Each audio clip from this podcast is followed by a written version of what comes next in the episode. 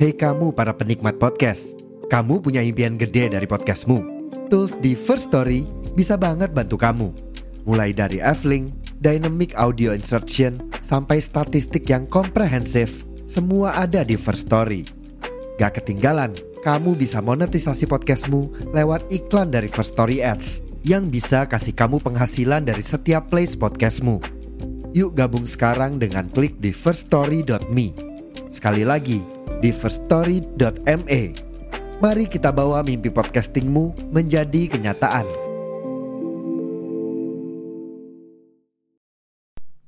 Loh, loh, loh, loh, loh. Rohingya? Rohing tidak lah. Mungkin judulnya agak gaji ya, tapi gue mau bahas sesuatu yang lebih besar yang kemungkinan bisa terjadi dari kedatangan Rohingya ke Aceh. Di episode ini gue mau bahas.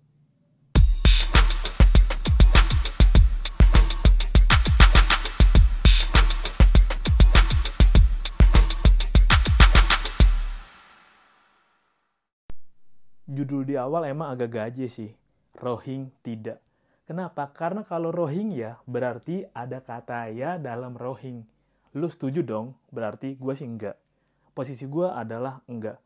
Gue nggak setuju soal kedatangan Rohingya di Aceh. Gue tadi sempat browsing dan kemarin gue sempat dengerin di YouTube yang sepulang sekolah penjelasan soal Rohingya di sana. Ada beberapa video yang nyeritain sih. Terus gue juga sempat cari tahu ini direkam tanggal 13, 13 Desember jam setengah 12 malam. Gue udah agak ngantuk sih, tapi gue harus rekaman karena nyari materinya lumayan dan gue harus kumpulin energi. Ini gue nggak tahu bakal panjang atau enggak, tapi gue harap lu bisa dapat pandangan dari gue deh karena apa yang Rohingya lakukan itu sebenarnya menurut gue sih dalam lingkup yang tanda kutip bahaya.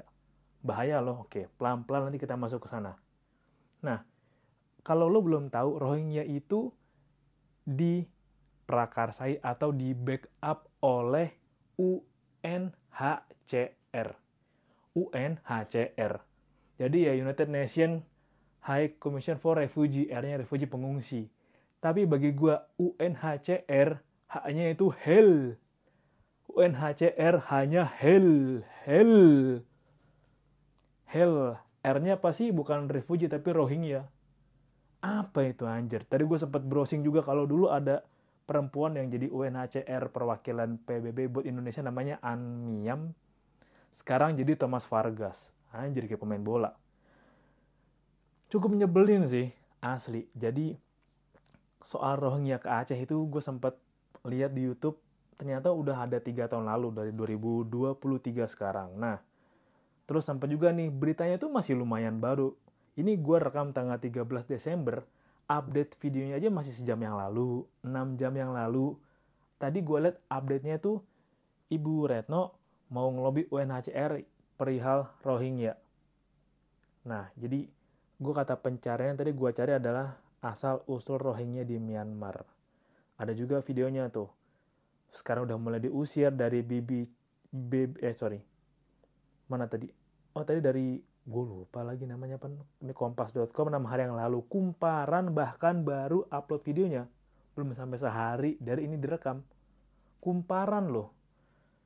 Gue sempat baca juga sekarang tuh berarti kedatangan warga Rohingya di Aceh udah seribu lebih.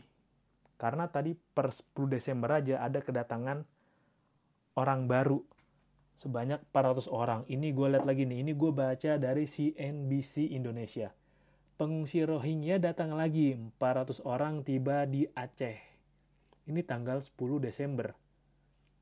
Nih, setiap perahu membawa 200 orang.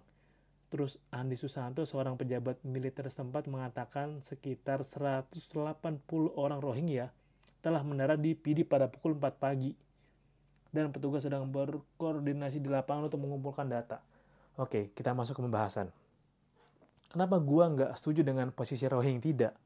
Karena belajar dari awal-awal Israel datang ke Palestina. Metodenya sama kedatangannya bilangnya, tolong aku, tolong aku.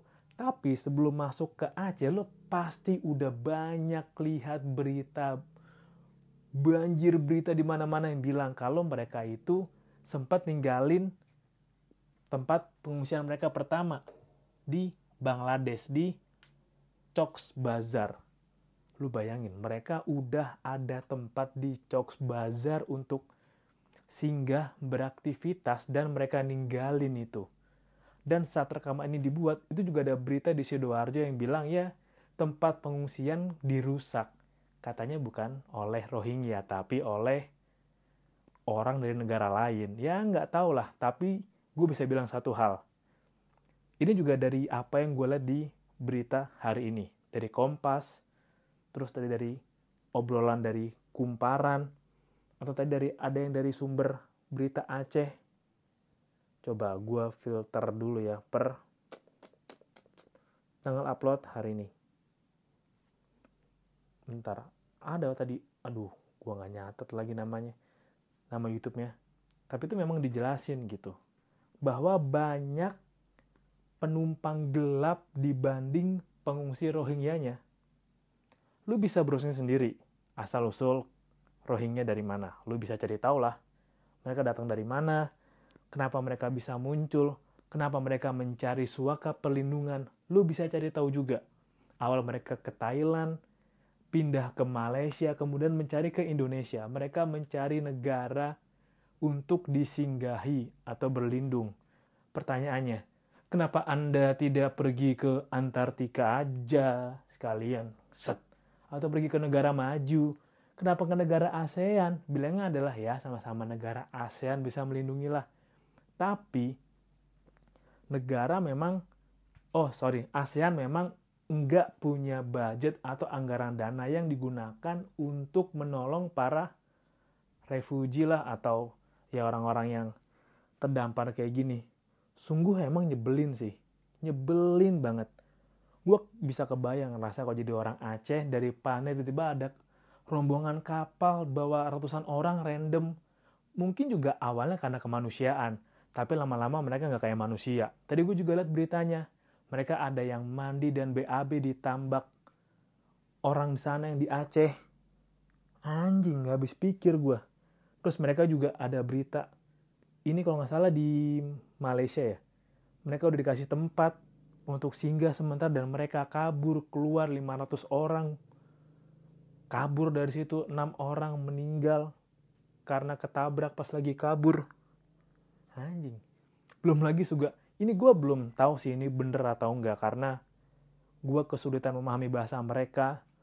Banyak pelintiran-pelintiran yang gue nggak tahu atau framing-framing yang gue nggak tahu soal mereka mengeluhkan.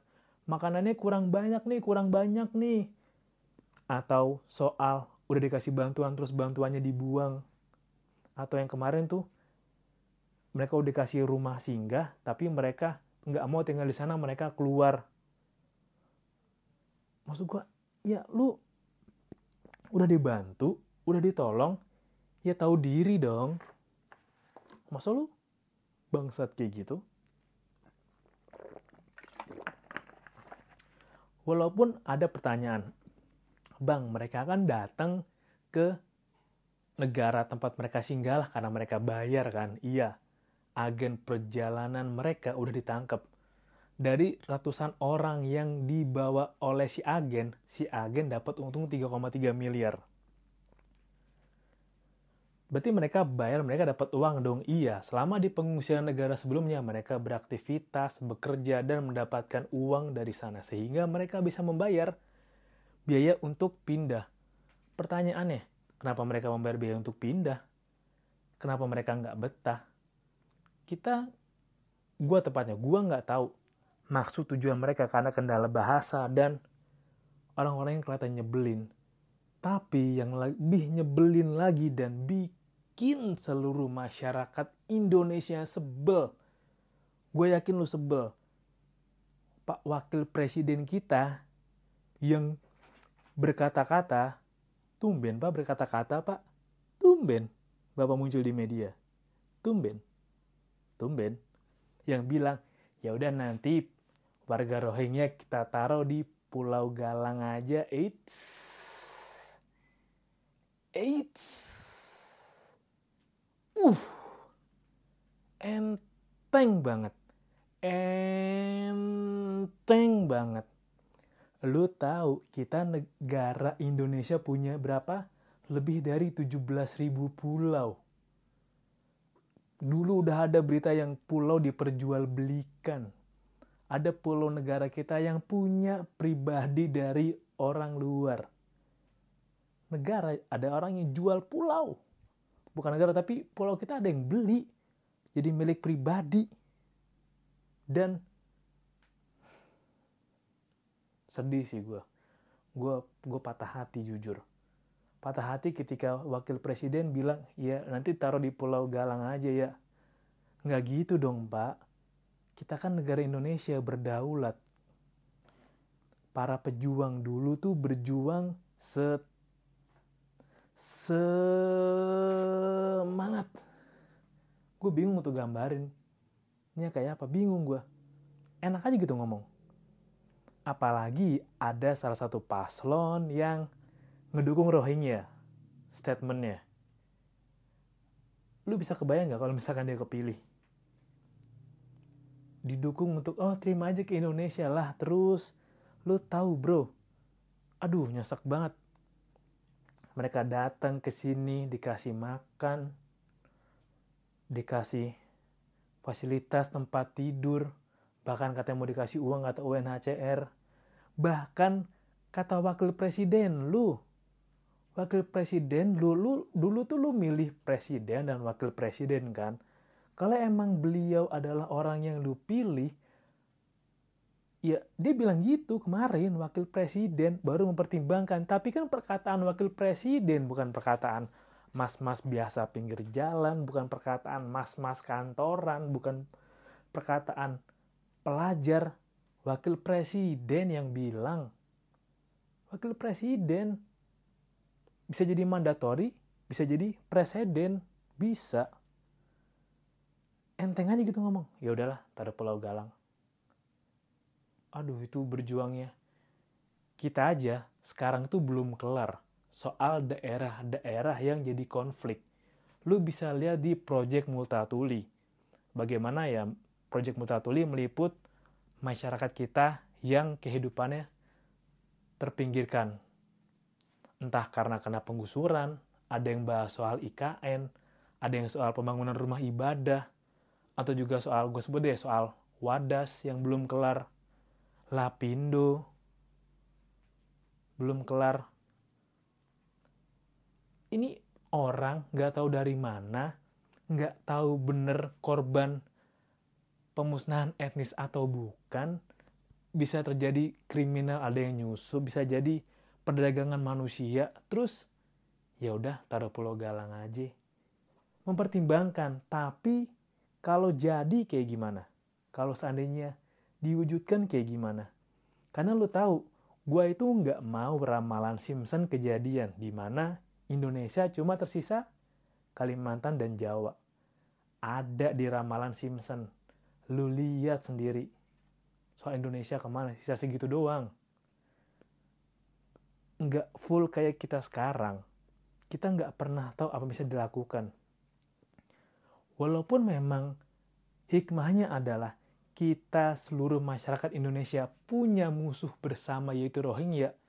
Kita mulai bahu-membahu, untuk menolak sama-sama kita sadar bahwa kita harus membela berdaulat di negara kita sendiri. Kita nggak mau terima orang random. Keadaan ekonomi kita belum sulit. Lapangan pekerjaan belum tersedia banyak. Pengusahanya belum banyak. Harga tanah ngelonjak. Harga bahan baku hampir nggak pernah turun. Harga sembako, harga komposisi alat-alat untuk bikin rumah, harga kendaraan nggak pernah turun. Enak banget itu mau dikasih pulau kosong, enak banget itu kalau mau minta dibangunin shelter. Makanya gue tadi sempat lihat juga di YouTube. Warga Aceh ngusir UNHCR yang datang untuk ngomong apalah random nggak jelas lah pasti. Ya iyalah, lu siapa? Lu siapa? Masyarakat Indonesia tuh kuat. Kompak kita sebenarnya kan kalau kita bersatu, lu lihat dong. Walaupun memang Rohingya pahit sih kejadiannya. Kita jadi bersatu dan kompak karena ada mereka yang mencurigakan ini datang. Tapi kita jadi tahu kan kalau kita tuh sebenarnya bisa bersatu dengan perbedaan-perbedaan yang ada di sekitar kita. Karena kalau lo lihat di TikTok, itu yang komen pun ada yang dari ketikanya alay, ketikanya formal, ada yang ketikanya bawa teori, ada yang ketikanya bawa sejarah, ada yang ketikanya bawa dalil agama, kompak jadi satu untuk menolak Rohingya. Makanya gue bilang Rohingya tidak. Gue nolak mereka ke sini. Karena ya udah lo cari aja negara lain, lo cari aja pulau baru yang belum dijajahin di bumi. Emang lo kira bumi ini seluas benua Amerika doang? Lo belum menjelajahi Samudra Pasifik. Lo belum menjelajahi segitiga Bermuda. Lo belum menelusuri Australia mungkin yang ekstrim laba-laba sama kanggurunya. Ya lo ngapain ke sini? Kalau mencari suaka, kalau mencari tempat tinggal aman, ya cari aja pulau yang kosong. Lu dayung sendiri sekarang siapa tahu nemu One Piece. Siapa tahu gitu lu tiba-tiba nemu red line di jalan. Karena pas gue lihat tadi ada seorang youtuber lah. Bentar, tadi namanya siapa youtubernya ya? Ini tadi gue pikir orang India yang ngomong youtubernya loh. Ternyata orang Jepang yang bisa ngomong bahasa. Nih. Siapa tadi? rangkuman Rohingya di Aceh dari 2011 sampai 2023. Hiro Tada Radivan. Maaf Mas Hiro, tadi saya kira Anda orang India ya. Cara Anda ngomong orang India tapi nama Anda Jepang. Itu tadi jelasin gitu perjalanannya. Dan memang dulu sempat kita terima walau 2017 Pak Jokowi menolak dan juga dulu ada demo untuk Rohingya gitu karena memang kita peduli aksi kemanusiaan kita peduli tapi kalau kita sudah peduli, tapi yang dipedulin nggak tahu diri, ya kesel lah.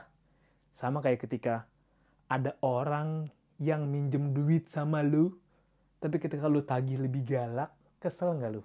Kesel lah. Ada banyak laporan kok lu bisa cari di media sosial soal kelakuan mereka yang lebih galak ketika ditegur, yang dablek kayak apa. Dan enak banget mereka dapat makan. Makan nasinya banyak pakai daging-dagingan lagi. Pun bukan daging juga. Enak banget tuh bisa nasi ngambil sebanyak itu. Sementara di kita aja masih banyak anak-anak yang stunting yang untuk makan kebutuhan. Dasarnya masih kurang. Mereka mau diurus.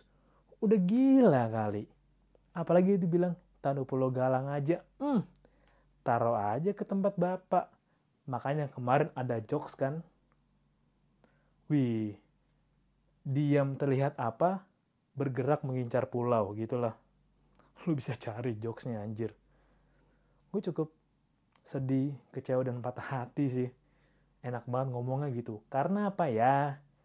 Bapak sih ngomong nyuruh-nyuruh alasannya kemanusiaan.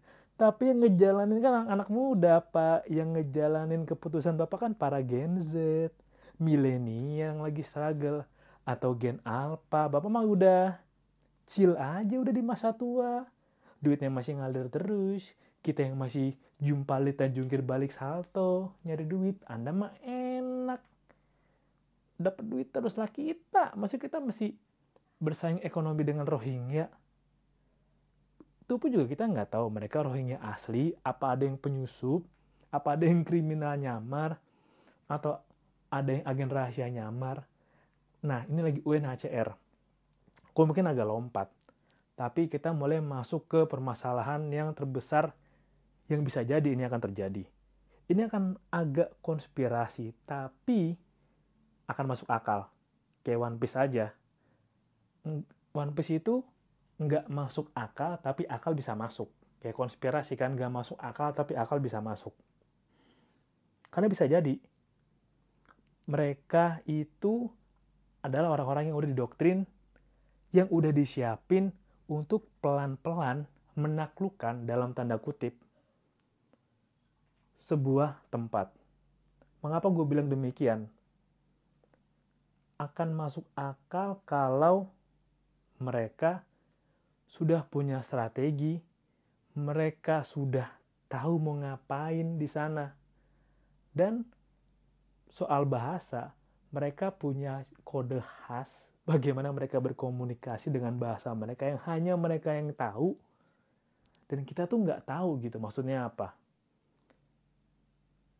Bisa jadi kan mereka yang kita tolong malah menyerang kita. Bisa jadi ketika mereka diterima gitu dengan ya dengan tanda kutip dengan catatan mereka beraktivitas dengan kita berbaur dengan kita perlahan-lahan mengambil alih ekonomi kita. Mereka kan juga bisa berdagang berniaga terus beranak pinak. Lama-lama anaknya juga harus beraktivitas atau berinteraksi dengan kita juga. Ya saingan lo jadi makin berat toh kalau mereka didanai. Kenapa gue bilang didanai? Karena kalau dipikir-pikir adalah Indonesia negara yang luas tapi kemampuan ekonominya untuk ditukarkan dengan mata uang yang level internasional itu daya tahannya rendah. Karena ya kalau gue orang Amerika gue punya seribu dolar aja gue convert ke rupiah, gue udah bisa dibilang makmur di Indonesia. Gue tinggal di US, punya seribu dolar aja di convert ke rupiah. Mungkin kalau seribu dolar di US nggak bisa makan yang enak gitu. Kalau mau auce cuma bisa ya 15-20 kali lah. Tapi kalau di Indonesia dengan uang seribu dolar lo convert ke rupiah, lo makan auce, aice itulah. Lo bisa makan gumo, makan lagi gumuh lagi karena kita nggak pernah tahu kan. Karena kalau dipikir juga wow kok bisa mereka dapat makanan enak? Bahkan kok bisa mereka dapat kapal? Kok bisa bahkan mereka tuh udah usia dewasa?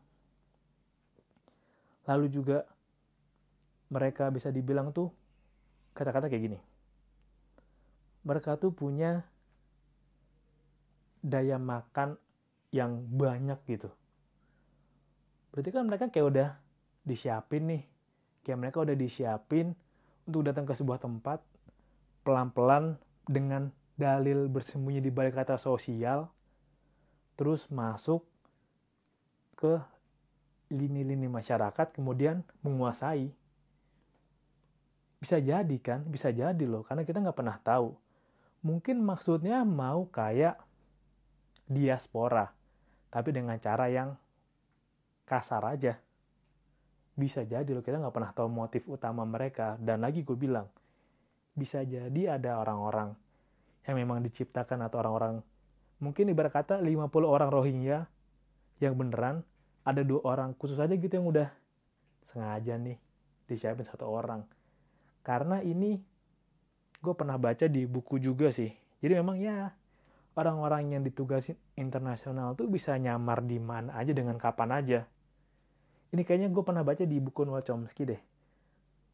Di setiap negara tuh emang ada intel negara lain yang nyamar menjadi profesi-profesi yang kadang nggak pernah kita bayangkan atau menjadi seorang yang nggak pernah kita bayangkan. Kelihatannya biasa-biasa tapi ngambil data. Kelihatannya diem-diem-diem tapi mau nawarin pulau. Nah, kayak gitu kan pasti sebel lah sebel gue termasuk yang menolak apalagi ngeliat anjir apalagi ada berita yang warga Aceh sampai diperkosa. Aduh. Gue tahu sih memang kalau di kapal tuh lu nggak bisa banyak gerak lu cuma ngeliat air. Tapi kan lu punya otak. Lu punya tenaga sorry lu punya daya tahan dulu ada diri lo jangan jangan brutal tolol lo lagi dibantu tolong jangan tolol. Apalagi kayak itu kemarin sampai ngerusakin campnya belum sampai kabur. Ya buat apa coba? Mereka aja rusuh gitu. Lu bayangin kalau mereka makin banyak datang dan gak tahu berapa banyak lagi yang datang dan mereka bisa serusuh itu. Lu bayangin kalau mereka rusuh bareng-bareng. Ya makin banyak ancaman datang lah. Dan peluang kenapa Aceh dipilih atau di Pulau Sumatera dipilih? Karena kalau ke Singapura sangat tidak mungkin. Ke Kalimantan nggak mungkin. Ke Pulau Jawa abis tuh warga diserang langsung abis karena jumlah penduduk di Sumatera nggak sebanyak di Pulau Jawa. Jadi ah ya udahlah kita ke pulau nih yang jumlah penduduknya nggak sebanyak Pulau Jawa dan pulaunya luas berarti kita masih bisa dapat lah sebagian kecil tempat buat singgah atau buat bangun Rohingya tahun kita. Bisa jadi begitu kan? Bro duh. Udah makin susah. Apalagi pas gue baca nih tadi itu mereka datang ke Malaysia dulu ya. Mereka datang ke Malaysia pas lagi covid. Lu bayangin. Malaysia lagi sulit ekonominya karena harus mempertahankan kesehatan warganya harus bertarung karena covid dan didatengin Rohingya yang ngehelan kayak gitu. Anjir. Ini lagi kita. Mau 2024 pas lagi pemilu kayak gini fokus juga lagi gue mau milih siapa ya? Lagi banyak yang kampanye. Terus oh gue mesti dukung siapa ya? Terus tiba-tiba ini datang mesti fokus juga. Aduh anjir. Nyebelin sih asli. Posisi gue adalah rohing tidak. Karena lebih banyak kerugiannya, banyak banget malah. Akan ganggu secara ekonomi, terutama secara sosial, soal keamanan lingkungan lah. Dan juga kita nggak pernah tahu, bisa jadi tuh ada teori yang bilang, konspirasi yang bilang bahwa, oh kita kayak mau di Palestina pelan-pelan nih sama mereka nih itu bisa aja terjadi. Secara konspirasi bisa. Karena kita nggak pernah tahu siapa backingan yang ada di balik para orang Rohingya ini. Dan kita nggak pernah tahu. Ini mereka beneran pengungsi atau beneran orang random aja datang dengan misi masing-masing. Dan gue harap kita terus kompak untuk menolak dan terus mau menyuarakan dukungan kita untuk menolak.